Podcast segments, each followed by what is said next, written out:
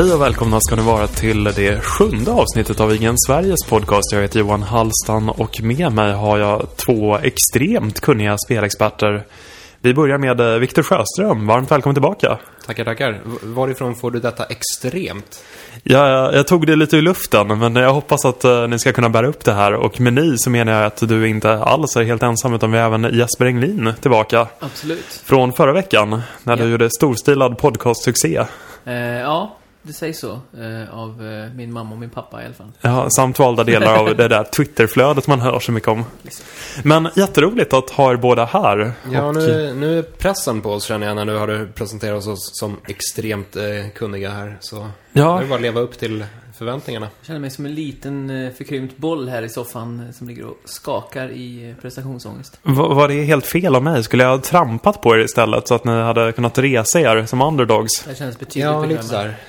Ja, eh, jag, jag, två ber, jag ber så mycket om ursäkt här, för det här, men eh, tillsammans så ska vi nog kunna leverera en måttligt eh, kunnig podcast.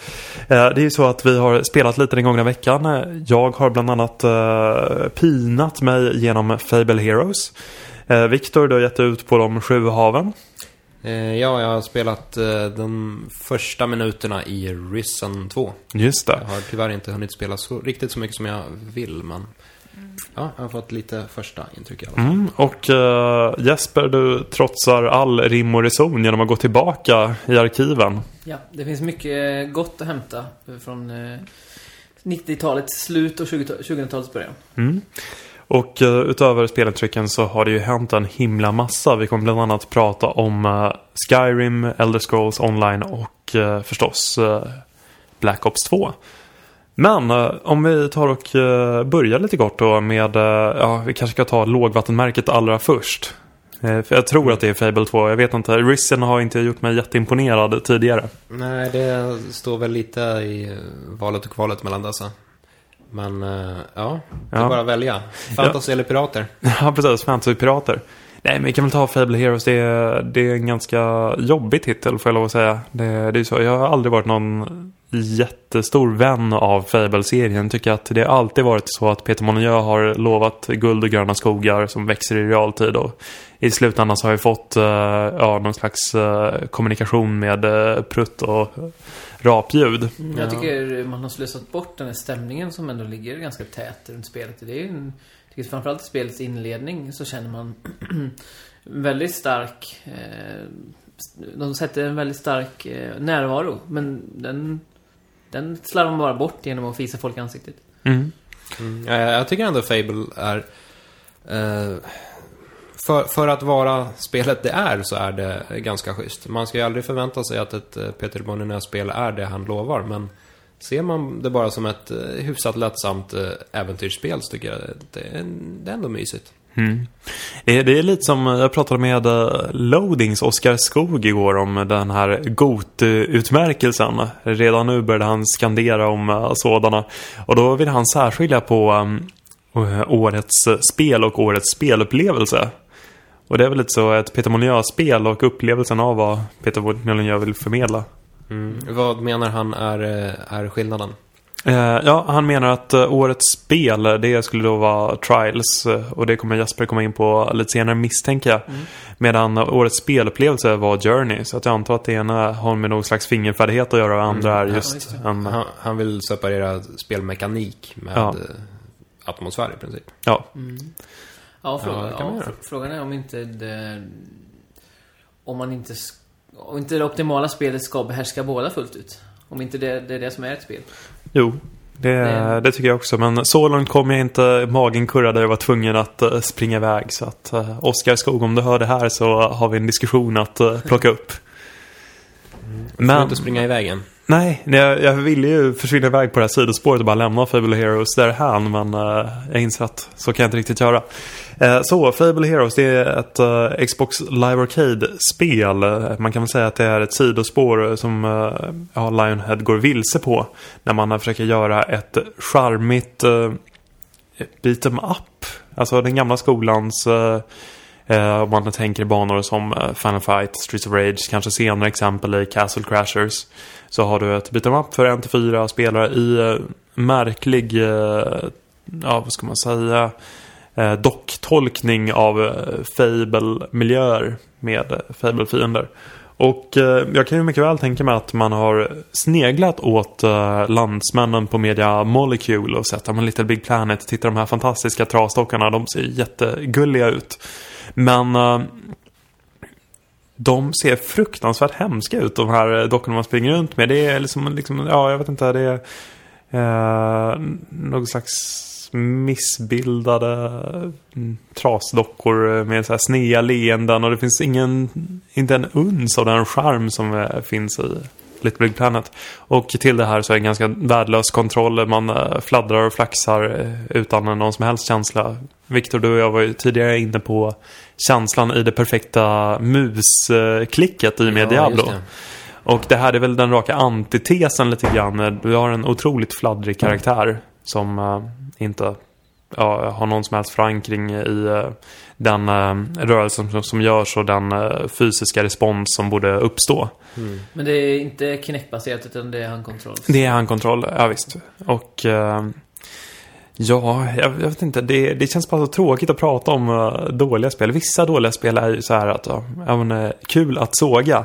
Andra blir man bara uppgiven. Det är lite som så här en, eh, en, då, en B-film och en UV-bollfilm. UV-bollfilmer tar bara musten ur den medan en B-film kan vara lite så här småcharmig. Ja, men det är lustigt att du tar upp just det här perfekta musklicket som exempel. För det är ändå en viss skillnad mellan, eh, om man kallar det för dålig kontroll och dålig spelkänsla. Mm. Ofta kan det ju vara så att, att eh, ett spel går att styra alldeles utmärkt, men det är någonting som känns väldigt, väldigt off helt enkelt. Mm. Eh, jag tycker man ofta ser det i bland annat eh, här tredjepersons eh, shooters Ja. av modell Gears of War. Att om inte den där känslan av att träffa någon eh, finns så, så blir det helt enkelt inte speciellt roligt. Eh, och i, den, i, i det fallet är det ju en, en viss köttig känsla man vill åt och det kanske inte riktigt är fallet här. Jag, jag, jag spelade faktiskt original Lost Planet nu eh, nyss. Och där är känslan lite så att skotten fladdrar iväg och man vet nästan inte om det träffar fienden eller inte. Eh, det, det är ett tydligt exempel på den, just den typen av mekanik. Ja, jag skulle säga att Fable Hero står för en eh, typ av kombination där. Kontrollen, hur man rör sig är väldigt uh, oprecis. Man rör sig då på, det är sidskrollande förvisso men uh, ett ganska väl tilltaget 3D-plan. Man vet inte riktigt hur man står i förhållande till fienderna. Det, kameran är ganska långt utzoomad så det är svårt att få uh, ja, en överblick över händelseförloppet när det är fyra karaktärer som bankar på hordvis med fiender och ingenstans finns den här ja, känslan av att någonting eh, faktiskt landar eller händer. Och det är inte den här glada kaotiska känslan utan det blir bara en... en Nej, det, det, ja, men det blir den här väldigt uppgivna att varför överhuvudtaget sitter jag med det här spelet känslan. Det, Och eh, den, eh, den går igen i varenda bana för att de är uppbyggda på i princip samma sätt. Och eh, bossfighterna är en skymf mot allt vad bossfighter heter för de är också snarlika varandra. Så det känns som ett dåligt copy-paste-projekt som har fått en Fable-etikett. Så, men Peter Molyneux har, inte har han varit inblandad i det här överhuvudtaget? Det tror jag inte. Nej. Nu har han ju lämnat eh, hela... Ja, nu, här har vi förklaringen till varför han lämnade Lionhead. ja, det låter ju spontant lite småpissigt. Ja, men eh, om vi går från något småpissigt till förhoppningsvis något mindre pissigt. Eh, Risen 2. Ja, då kanske inte Reason 2 är världens bästa spel att ta upp. Oj. Men, eh, nej, nu kanske jag är lite väl elak, men... Nej, jag, eh, jag, hittills är jag inte jätteimponerad av Reason 2. Det är alltså ett, eh, något så ovanligt som ett piratrollspel. Och det är kul. Eh, med, med hela pirattemat. Och det är även rätt intressant hur de väljer att, att eh, vinkla eh, pirattemat också. För de, de går inte den här överdrivet humoristiska vägen, alla Monkey Island. Utan de verkar köra en lite, lite mörkare ton med onda, onda bläckfisktentakler upp ur djupet och... Men eh, menar du då att den ligger närmare eh, Pirates of the Caribbean eller är det ännu lite- mörkare än så? Ja, nej, det är väl jämförbart med, med Pirates. Eh, problemet är att spelet av det jag har spelat inte är speciellt tight eller imponerande. Mm. Det är ganska fult och det är lite så här fladdrigt och um, tyngdlöst. På Mm. något sätt. Eh, sen är ju grejen med rollspel i och för sig um, storyn. Och jag ska erkänna att jag inte har spelat tillräckligt mycket för att få en, en bra uppfattning om hur, hur storyn artar sig. Men eh, det börjar inte bra. Det kan jag inte säga. Och då tycker jag ändå om pirater. Ja, inte tråkigt. Ja, väldigt tråkigt. Jag kan ju dra en liten anekdot. Jag var på en visning eh, av det här spelet för några månader sedan. Och eh, något som störde mig väldigt mycket det var att det inte fanns eh, en tydlig kompass eller markör som talade om vart man skulle ta vägen. Och eh, jag passade på att fråga eh, spelutvecklaren som var på plats, det kan ha varit här lead game designer eller något liknande, om det inte var en idé att lägga in något sånt här för att främja användarvänligheten. Varpå jag fick svaret, ja men det var inte så piraterna gjorde på sin tid. Och eh, då hade jag god lust att kontra med, ja men piraterna tog ju självklart upp sin startmeny och bläddrade till kartan. Ja. Men eh, ja, märker, märker du av det här någonting? Att, eh, att det är ganska enerverande att behöva titta på en karta stup i kvarten? Nej, jag tänkte nog inte på det. Men eh, då är jag som sagt bara i början av spelet än så länge. Så det är Mm. mycket möjligt att det kommer bli en liten naggande känsla. Ja, Naggande god. det, det återstår att se. Men eh, Jesper, nu, eh, nu har vi rivit av ett dåligt spel, ett potentiellt ganska dåligt spel och eh, du sitter väl ändå på lite av en spelskatt? Ja, det är upp till dig nu. Ja, precis. Jag ska rädda hela, hela veckan. Nej, men det är så att eh, jag har faktiskt eh, tagit tag i en, en, en spelskatt som kanske för många är eh, lite fördold i alla fall. Eh, pratar om Dreamcast-biblioteket. Ja. Som jag har fördjupat mig ganska djupt i. Mm. Eh, och eh, där... ehm, ja, jag, jag har alltid haft en ganska varm relation till konsolen. Jag skaffade den i princip direkt när den kom. Eh, jag hade mina första online-upplevelser med eh, Fantasy Star Online. Eh, det fanns fantastiska sportspel som är min, min genre eh, med Virtua Tennis och eh, NL2K och så vidare. Men nu har, har jag fördjupat mig lite mer i, i spel som Power Stone 2 till exempel. Aha. Som är ett... ett om, vi, om vi förra veck- veckan pratade om en kopia på Smash Bros som nu kommer i Sonys eh, All-Star Fighting. Ja, visst. Så var väl Power Stone 2 eh, s- eh, Smash Bros innan Smash Bros fanns i princip. Ja. Eller ligger det kanske efter i tid? Eh, Det, det ligger efter kronologiskt. Eh, Smash Bros gjorde väl eh, debut på Nintendo 64 om jag inte Mm. missminner mig. Ja, Det är korrekt. det stämmer. Eh, sen är det väl lite olika vinklar på de här. Smash Bros är ju mer från sidan och Powerstone ser man väl snett Snett ovanifrån om jag precis. minns rätt. Precis. Eh, så att det följer den tesen kan man säga. Ja, Men hur som helst, det är ett väldigt, eh, precis som många av de här spelen till Dreamcast, har eh, många spännande och, och eh, innovativa idéer.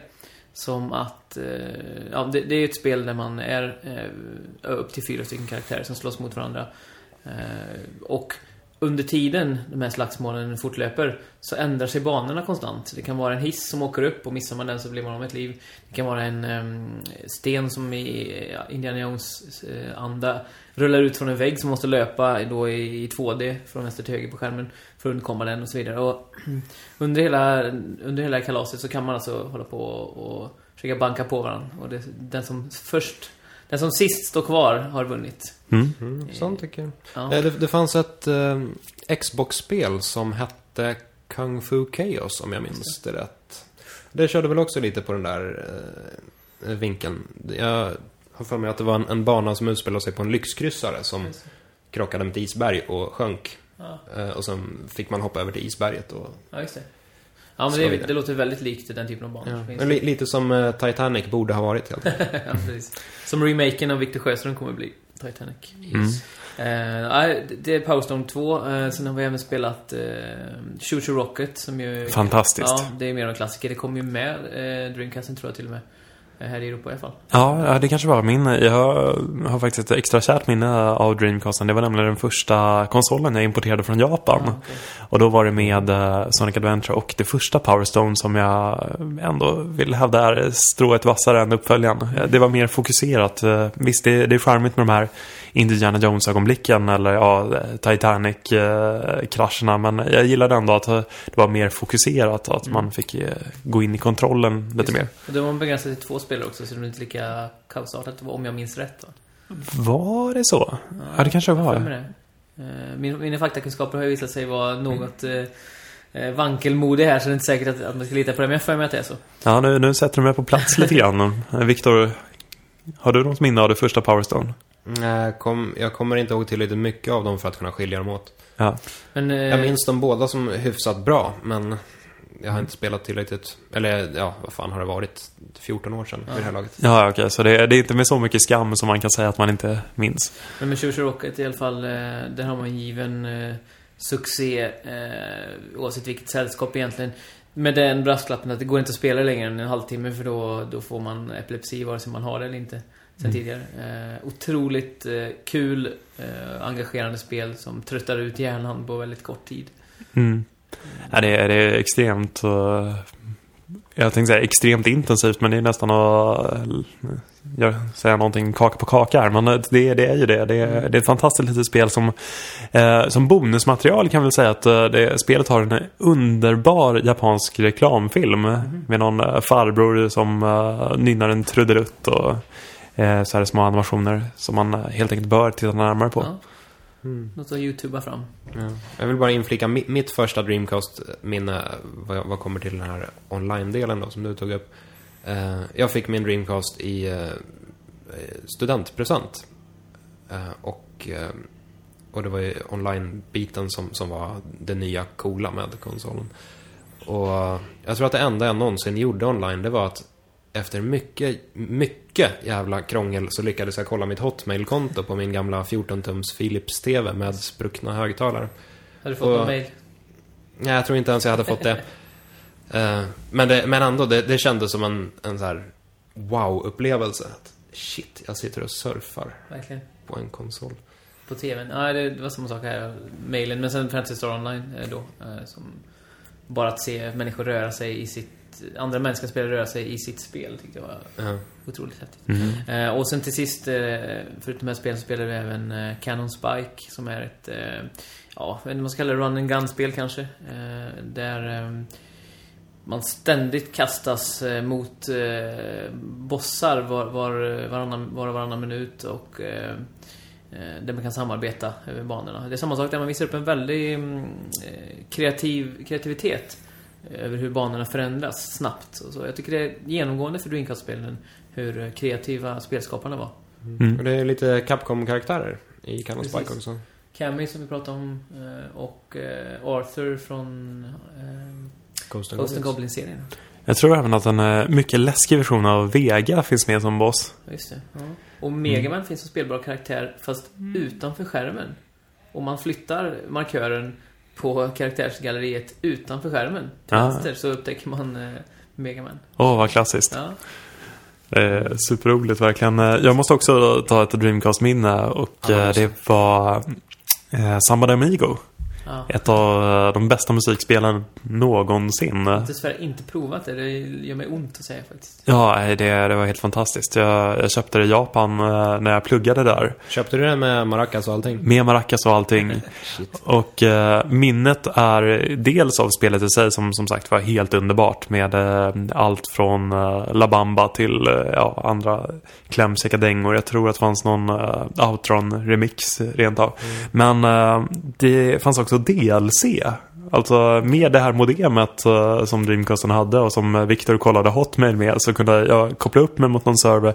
Jag vet inte om man laddade ner eller om det är som nu, Uh, ja, det brukar ju storma lite kring det här med att man bara låser upp saker och ting på skivan. Det kan mycket väl ha varit så i och med att det ändå var modemuppkopplingar. Men det, det kändes ju helt fantastiskt att bredda musikkatalogen med tre, fyra låtar. Mm. Och den musikkatalogen var ju inte så jättestor totalt ändå. Vill Ja. jag minnas. Ja, det, det kanske, vad kan det vara, 20 låtar kanske? 20-30, det, det är en, eh, det är sånt man fnyser åt eh, med dagens mått mätt, men då var det ändå wow-känsla. Eh, Proble- Problemet med Samba de Amigo var väl att eh, de här marknadskontrollerna kostade en förmögenhet. ja, det kanske de gjorde. Eh, ja, jag vet inte. Det, det var säkert någon tusenlapp eller så här. Ja, det Mm. kan man ju få ett begagnat stilbataljon för. Ja, precis. Eh, Ett spel som för övrigt inte fanns i Dreamcast. De, Till Xbox. exakt. Men jag tänkte att vi skulle dröja oss kvar här på ämnet DLC, men i någon slags modern kontext. För nu i dagarna blev det ju klart att Skyrim äntligen kommer att eh, utvidgas. Mm. Äntligen och äntligen. Jag är fan fortfarande inte klar med skiten. Eller skiten och skiten. Det är. Det, det, Det, är förra årets bästa till- spel. Ja, ja, ja, nu kanske vi inte ska överdriva. Enligt Nej. dataspelsskalan. Ja. Enligt eh, magasinet Level. Visst, Ja. kanske mer relevant. Det, har- det har varit en het debatt om vilket spel som faktiskt är det bästa spelet. Eh, Men ja, Skyrim är väldigt bra, det är det. Ja. Och eh, ja, vi har väl egentligen bara fått eh, en titel, Dawnguard. Det känns eh, lite krystat, tycker jag. Mm. Ehm, väldigt fantasy-klyschigt och uh, intetsägande skulle jag säga. Mhm. Dawnguard. Ja, jag, jag har inte riktigt reflekterat så mycket över titeln. Utan mest uh, blivit lyrisk över att det faktiskt kommer något. Men Mm. De har ju demonstrerat, eh, innan Dawnguard blev officiellt så demonstrerade de ju ehm, vad som skulle kunna tänkas komma i en expansion. När de körde den här teknikdemonstrationen, där de bland annat visade, vad var det? Spjut, bland annat, alltså vapenklassen spjut, någon jättekrabba som fiende. och lite, ja, diverse sånt. Mm. Så kanske det det blir. Många Och- stora krabbor med spjut. Ja. Är det då är det spjut som man kastar eller spjut som man... Eh, Jag har för mig, med. jag har för mig att det var stora poking devices. Mm. Men, ja. för, för jag tycker generellt att saker som man slungar i Oblivion-spelen inte... Eh, nej, jag har lite svårt för det. I alla fall den mekaniken. Jag tycker inte den funkar jättebra. Mm. Nej, jag har väldigt svårt att sikta med pilbågen. Men det är för att jag kör på 360 och inte PC. Mm. Och det är väl väldigt mycket lättare att peka och klicka med en mus. Mm. Ja, ehm, DLC släpps alltså under sommaren och kommer först till Xbox 360. Och ehm, i vårt nyhetsformat här i podcasten så brukar vi ju ha en liten fråga. Så att min fråga till er är, är vad har Bethesda att vinna på att enbart släppa det för 360 till en början? Att göra det tidsexklusivt? Ja, till att börja med så har de väl redan vunnit eh, cash från Microsoft. Mm. Och ja, Alltså, ehm, generellt sett, den här typen av spel och kanske framför allt eh, med Skyrim så har det visat sig att Playstation 3-versionen eh, blir ofta sämre rent tekniskt. Alltså någon form av eh, optimering verkar vara lättare att göra till, till Microsofts konsol jämfört med, med, med Sonys. Det var väl en hel del gnäll på, på Skyrim. Precis som det var med Dead, Red Dead Redemption ska jag säga också. Eh, Så det verkar väl som att den typen av spel lämpar sig kanske bättre på 360. mm. Mm. Sen, eh, jag vill minnas att eh, ett helt, en helt annan typ av spel, eh, nämligen Bayonetta, fungerade väldigt mycket bättre på 360 också. Jag spelade igenom det på, på PS3 och har fått höra i efterhand att det borde jag inte ha gjort.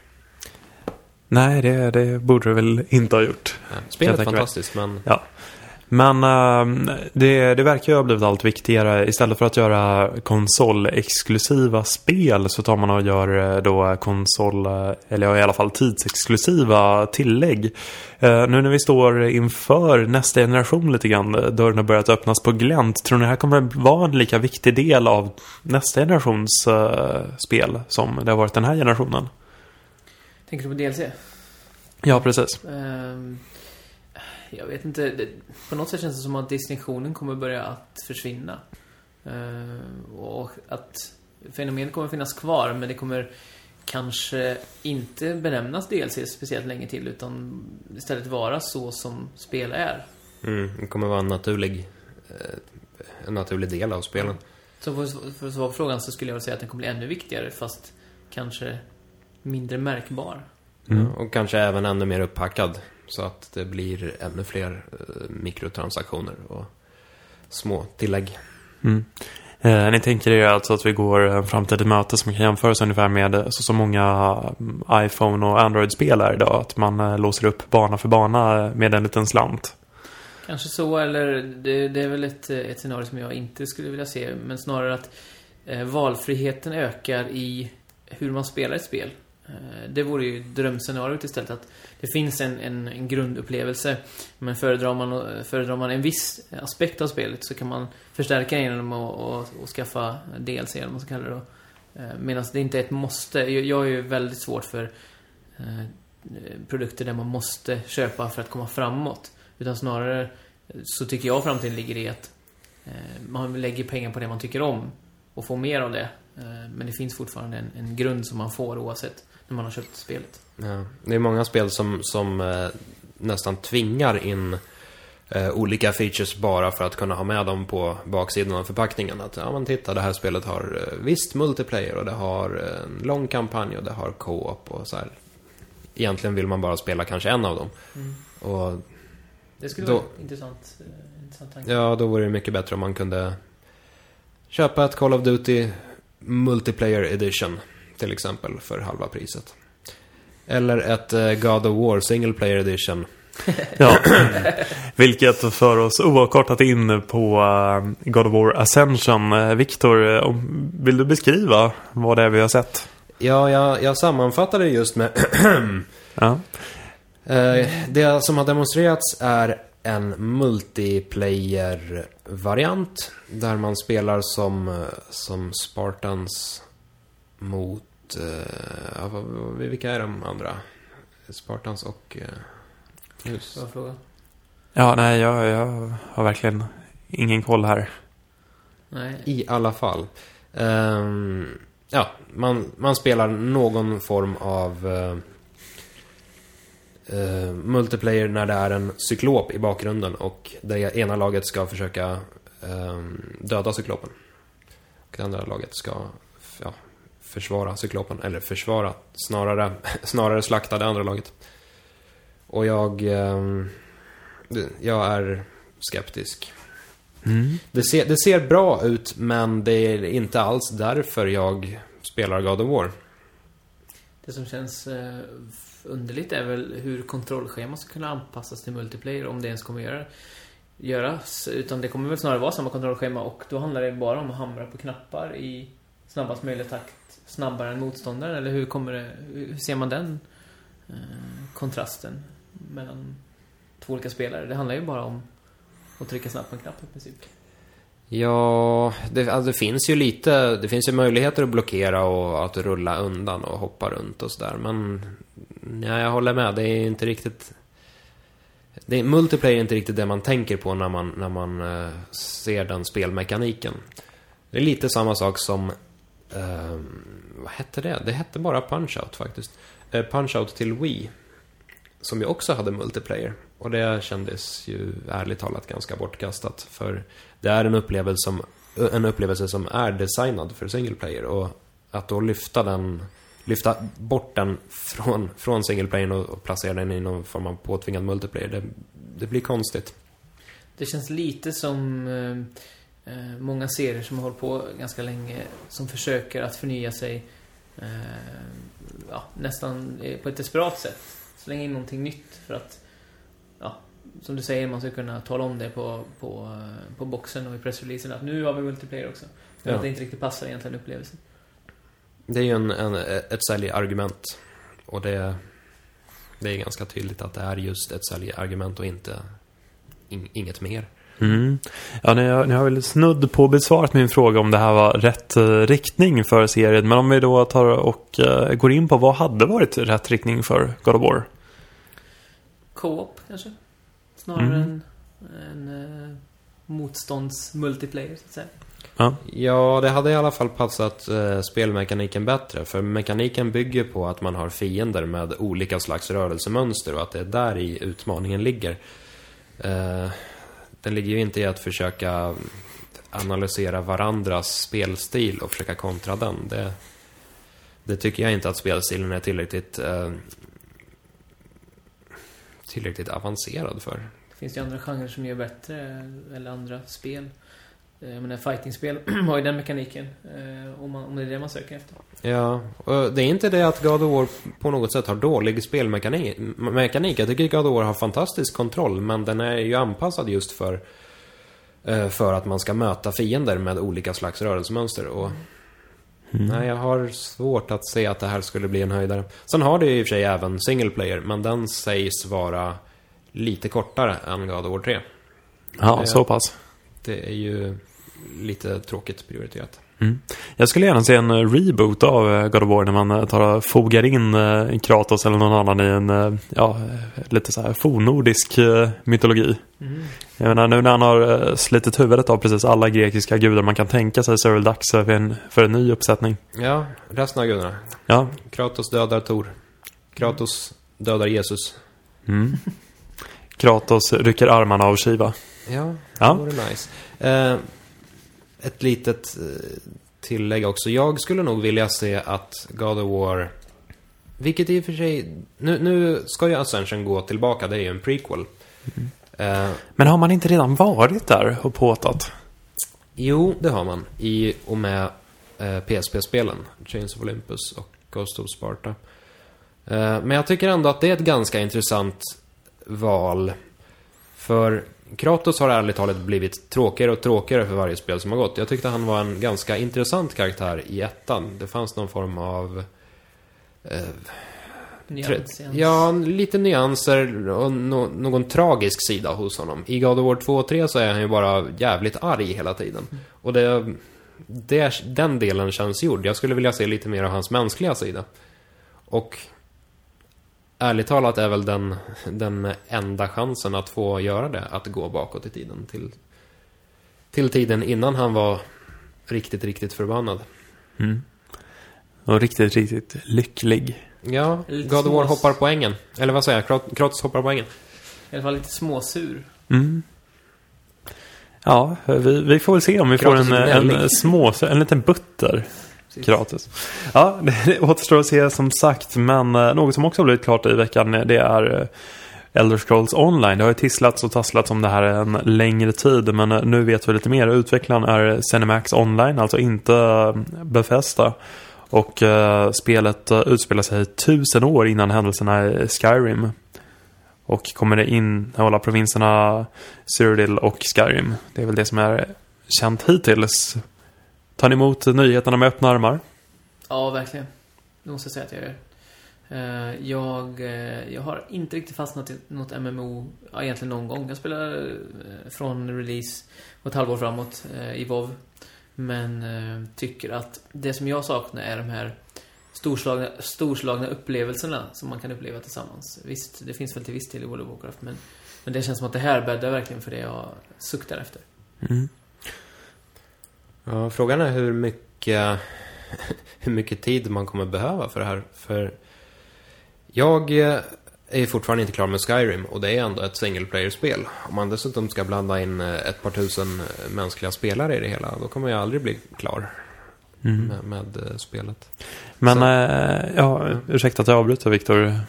Jag tänkte även att eh, frågan är, eller det ska bli ganska intressant att se hur my- mycket World of Warcraft faktiskt har påverkat den här genren. För det märkte man i, i Knights of the, nej inte Knights, eh, i The Old Republic, eh, alltså MMO-et. Att det är ju extremt World of Warcraft-ificerat. Mm. Så då är frågan hur, hur egensinniga de vågar vara här. Ja, det är just det där att eh, WoW har ett sånt strypgrepp på spelarskaran att man har liksom vant sig vid att det är så här ett MMO spelas. Mm. Och, och att det blir för obekvämt att ta sig ur den mallen på något sätt. Det är det som är faran. Men hoppas att, att ehm, man vågar lita till sina, till sina egna förmågor istället för att gå WoWs vägar för mycket. Jag tycker också, när man spelade Skyrim Jag satt ofta med några vänner på min vänlista på, på Xbox Live och ehm, pratade samtidigt som vi spelade ungefär på samma ställe i spelet. Så många gånger vi, vi sa så här, "Åh, om det bara hade funnits en, en co-op-möjlighet. Eh, och nu finns det väl det då.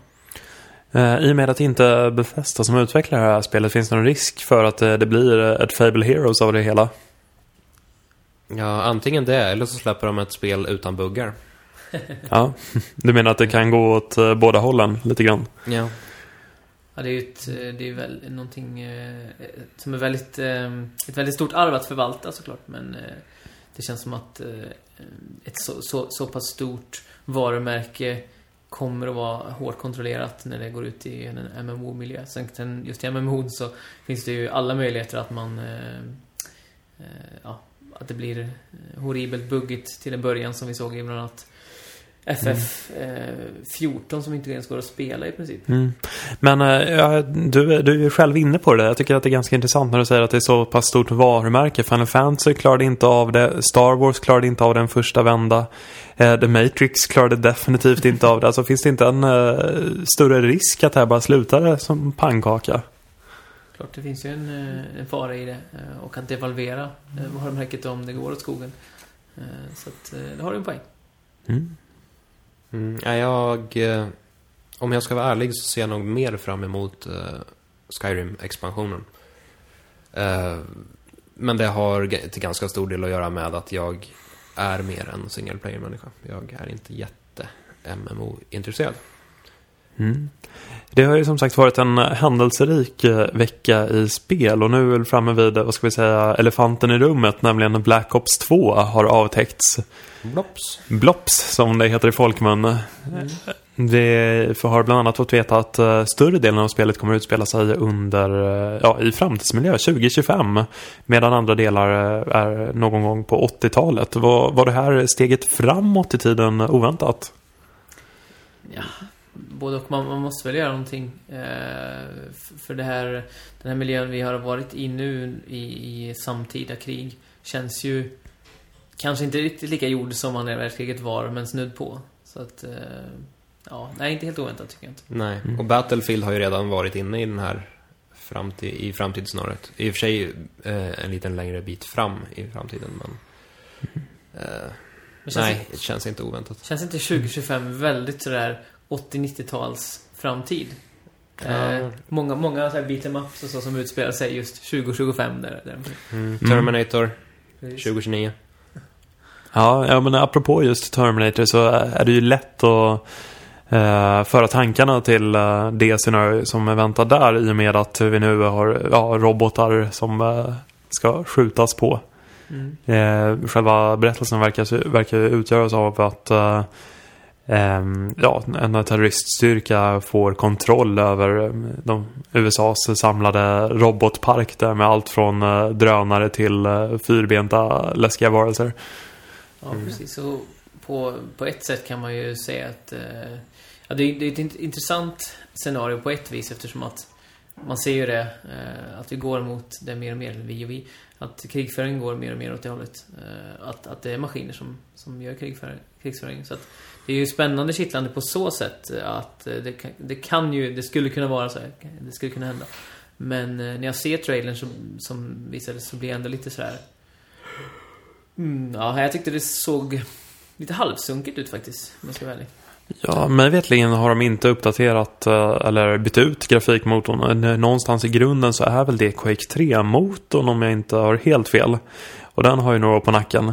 Och eh, om man eh, ja, bara sett till eh, dramaturgin i trailern så eh, fullkomligt skriker det ju eh, ja, Call of Duty. Alltså den här besinningslös Michael Bay-stilade action med feta explosioner och män som skriker och har sig.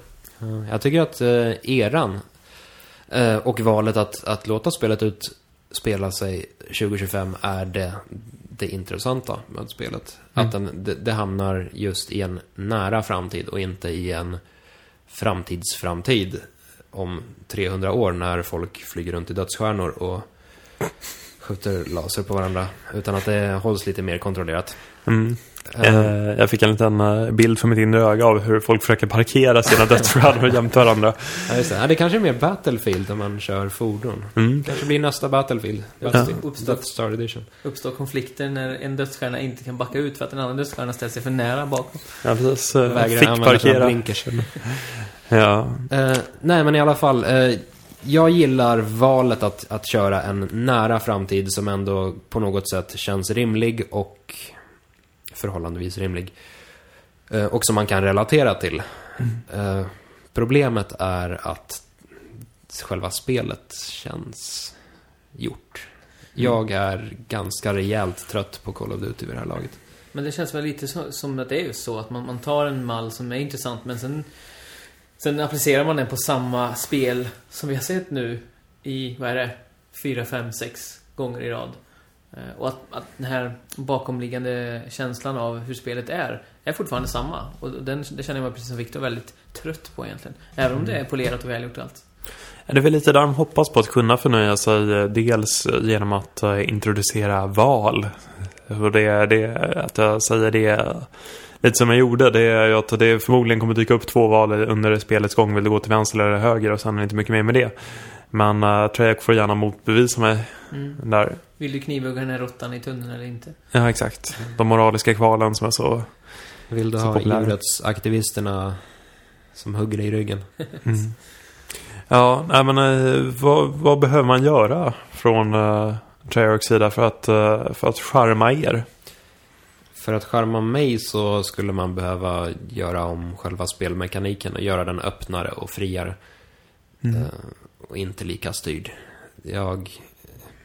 Nu, nu, nu när man inte längre blir imponerad av, av den här typen av halvinteraktiva mellansekvens eh, täta shooters, då, då blir man ju bara trött när, när man inte längre får, får styra. Så jag, jag vill ha betydligt mer frihet. Mm. Ja, det är svårt, svårt att se, se vad, vad som skulle göra mig intresserad eh, eh, faktiskt. Det är svårt att hitta någonting som...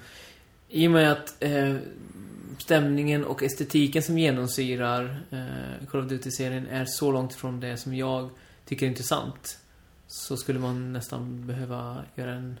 Ja, någon form av reboot för att jag skulle få upp intresset igen. Mm.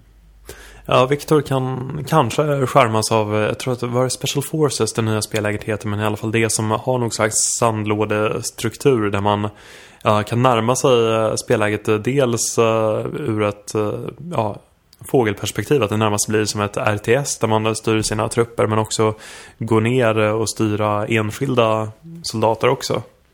Mm. Ja, kanske. Jag vill... Inte det? Tvek- det är mycket kanske. tveksamt. Ja, men ett, ett strategiskt, eh, ett strategiskt eh, spelsätt för min del, om man ska hugga på det du sa Johan, det skulle jag kunna tycka var intressant att vara någon form av eh, eh, squad leader som inte deltar aktivt i striderna. Eftersom jag är så dålig på att strida i, i Call of Duty också. Du, du är snubben som sitter i en luftvärnskanon i 25 minuter Precis. i Battlefield 3. Ungefär. Tittar upp mot himlen. Nej, men, men där är tempot betydligt lägre, så där, där hänger jag med. Men, men, ehm, nej, men en sån roll skulle jag tycka, kanske tycka jag vore spännande för att svara på din fråga, vad som skulle kunna locka mig. Mm. Ja, jag vet inte. Det- Jag känner mig ganska mätt på Call of Duty även jag. Och då har jag spelat sanslöst många timmar i mina dagar. Men eh, ja, blygsamt optimistisk. Om inte annat eh, för ett nytt uh, zombieläge. Skjuta zombies är ju alltid roligt. Även i Call of Duty-kontext. Ja, för zombies börjar ju bli lite trött också, får man Ja, säga. Nu är du väl lite väl negativ. Ja, jag hatar allt. Ja. finns, det, finns det något du inte hatar? Ja, det är väl just år, årtalet 2025. Mm. Lite bättre än 2024 och 2026. Ja. Eh, nej, men ska man se det så, så är ju faktiskt eh, Cod Blops 2 lite, lite mer spännande än vad Modern Warfare 3 var. Som ju körde vidare på den här moderna krigsföringsvinkeln. Eh, som är det nya andra världskriget, det vill säga brutalt uttjatat. Mm. Men frågan är också hur relevant det är att göra mig och Viktor intresserade av det Johan. Eh, det, det som är liksom mest intressant är att se hur, hur det påverkar försäljningssiffrorna om man fortsätter köra på ungefär samma hjulspår. För gör det inte det så, ja, Mm. då finns väl ingen större intresse av att göra radikala förändringar kan jag tänka mig. Ja, men eh, ja, det, man får väl ändå se det som en hyfsat radikal förändring att förflyttar till det här uh, mytomspunna 2025 nu. Att uh, det, dels så står man förvisso med ena foten kvar på 80-talet och därigenom kommer väl säkert få några skraltiga kalasjnikovs men uh, att uh, nu uh, vapenarsenalen som uh, Guns prenumeranterna relaterar till i stor grad kan jag tänka mig då kommer att ja, kanske skrämmas bort en aning av nya futuristiska skjutorn. Eller så är det bara ännu mer fantasieggande att det här är framtidens vapen. Mm, Ja. Och sen kan man ju även poängtera också att den här vinkeln är inte unik heller, utan Ghost Recon har ju varit- inne och snuddat på det tidigare också. Eh, Ja, kommer. och kommer du att snudda vid det Precis. nu eh, ett mot slutet av månaden? Ja. Nytt spel precis på ingång. Mm. Ja, ja det, det var ju inte så himla upplyftande här. Förlåt. nej, nej. Ja. För all del, för all del. Nu får ni eh, alltid ta väga upp det här med någonting som ni kan tala positivt Ja. om. Jag, jag kan lyfta upp en, en eh, applikation som jag har använt mig av som gränsar, ligger mellan, i gränslandet mellan spel och eh, partytrick. Ja. Eh, och det är Bravo Gustavo tror jag att den heter. Eh, det är en applikation där du styr en, en symfoniorkester. Ja. Eh, genom att använda gyro, gyrometern i din eh, smartphone. Eh, och dirigera orkestern i rätt takt. Mm. Och ja, och det, det, det gäller då att ha den här känslan som en dirigent. Du måste ha samma mimik och kroppsspråk. Det är det som är Mm. allvarligt. Har du det? Eh, tveklöst, ja. Ja. Eh, anledningen till att jag tittar så skeptiskt på det, det är att det här låter ju väldigt mycket som eh, Wii Music, ett av de absolut sämsta Nintendo-spelen genom tiderna.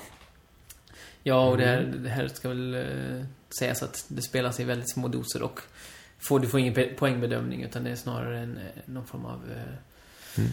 Kort eh, partytrick som sagt. Men det är väldigt lustigt. Eh, Men eh, partytrick, du, du tar fram din telefon och börjar vifta den, eller vad, vad, Ja, det skapar ju mer uppsluppen stämning än att eh, börja diskutera kodblops och kods framtid, verkar det som i alla fall. Ja, är det ingen vidare partytrick?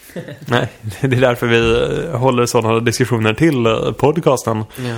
Och jag har, har dragit igenom Diablo 3-betan en sista gång innan den stängdes ner.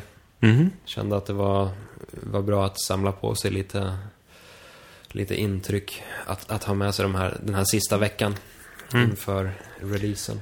Kan du redan nu ge några inte, ny, nybörjartips eller någonting för alla som kommer att kasta sig in i Diablo när spelet släpps den 15? Mm, kör munken. Det är munken. bäst. Munken och barbaren. Ja, du har ju övertygat mig om eh, att uh, lira munk. Mm. Närstrid ska vara bra. Köttigt. Mm. Uh, nybörjartips? Nej. Inte egentligen. Klicka bäst som klickar sist. Ja, ja men det är... Blizzard är bra på, på inlärningskurvor. Så. Mm. Jag tror inte att, att nybörjare kommer ha något, något problem med Diablo 3. Mm. Det hade inte jag när jag körde igenom betan första gången. Och är ni fans av skräckspel så kan ni ju spana in eh, Trials Evolution. Ja, men berätta om dina gastkramande upplevelser. Ja, eh, det, är- är så att det finns en, en baneditor som kan Det finns två varianter. En, en, en, en light-version och en lite mer avancerad. Ja. Och i den mer avancerade så har någon eh, knåpat ihop dels en Amnesia eh, en Amnesia-avstickare som jag inte har testat än, men också är någonting som kallas för eh, Abandoned Hospital tror jag det heter den banan. Mhm. Eh, där man rör sig i första person med mekaniken av den här motorcykeln, lite fladdrigt. Eh, och rör dig runt i ett eh, helt nedsläckt eh, område där du blir skrämd av diverse olika saker som kommer upp framför dig. Lite som Ja. att åka ett spök, spöktåg. Ja. ja, det låter ju spännande. Ja. Excitebike möter Blåtåget. ja, ungefär så. Ja. Förutom det, multiplayer har jag knåpat lite på i, i Trials Evolution och eh, det är väldigt, väldigt roligt. Eh, det går ju att spela mm, eh, simultant som vi pratade om förra veckan. Eh, och ett väldigt smart system där eh, ju fler gånger man eh, startar om, om man kraschar så kan man starta om från senaste checkpointen. Då får man minuspoäng och sen räknar man ihop det. Den som kommer först in i mål får ett visst antal poäng. Samtidigt som man får minuspoäng för antal omstarter. Så det är ett ganska fiffigt sätt att spela på och väldigt, väldigt underhållande. Mm. Med det sagt så börjar podcasten lida mot sitt slut. Men eh, fantastiskt att vi fick eh, lite pepp här i slutet. Så vi slipper eh, avrunda med eh, Blops-besvikelsen som jag antar att ni båda känner. Ja. Men det Ja. finns ju många som kommer att älska det här spelet också så att eh, vi ska inte ta ner allt för mycket på jorden. Nej, vi, vi väntar med spänning på Microsofts eh, E3-konferens för där lär det väl visas. ja. Och det är väl 300 pers som arbetar med det, så produktionsvärden kommer det ha. Definitivt. Eh, vi brukar vanligtvis avrunda med några snabba ögonkast på releaserna. Men den här veckan såg det så bedrövligt ut så jag väljer helt enkelt att hoppa över dem. Och istället så tar vi och blickar framåt eh, mot eh, ja, Diablo 3-releasen den 15. Men innan dess så... Goti.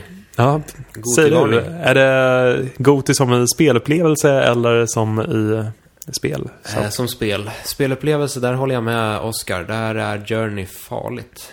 Mm. Ja, det har redan vunnit i mina, i mina ögon. Jag kanske måste separera det bara för att kunna ha med både Journey och Diablo 3 här. Så jag, jag går in på Oscars spår lite spontant. Jag tycker det känns som en väldigt feg lösning. Mm, precis. Ja, så att eh, med feghet lämnar vi er kära lyssnare och hörs återigen om en vecka. Jag vill säga ett stort tack till eh, både Viktor och Jesper som var med den här gången. Och ni hittar oss på se.igm.com. Och på Twitter. På vad då? Ja, eh, mig hittar man på den krångliga Victor underscore Sjostrom. För jag får inte ha några prickar, för Twitter är dumma mot mig. Ja. Och mig kan man hitta på ett Jeppe Joy, som är i glädje. Mm. För det är vad du sprider. Det är det jag försöker göra. Speciellt när du snackar kodblops. Ja, särskilt då. Och jag finns på att Johan Hallstan. Och med det sagt eh, så hörs vi om en vecka. Ha det riktigt bra. Trevligt. Hej.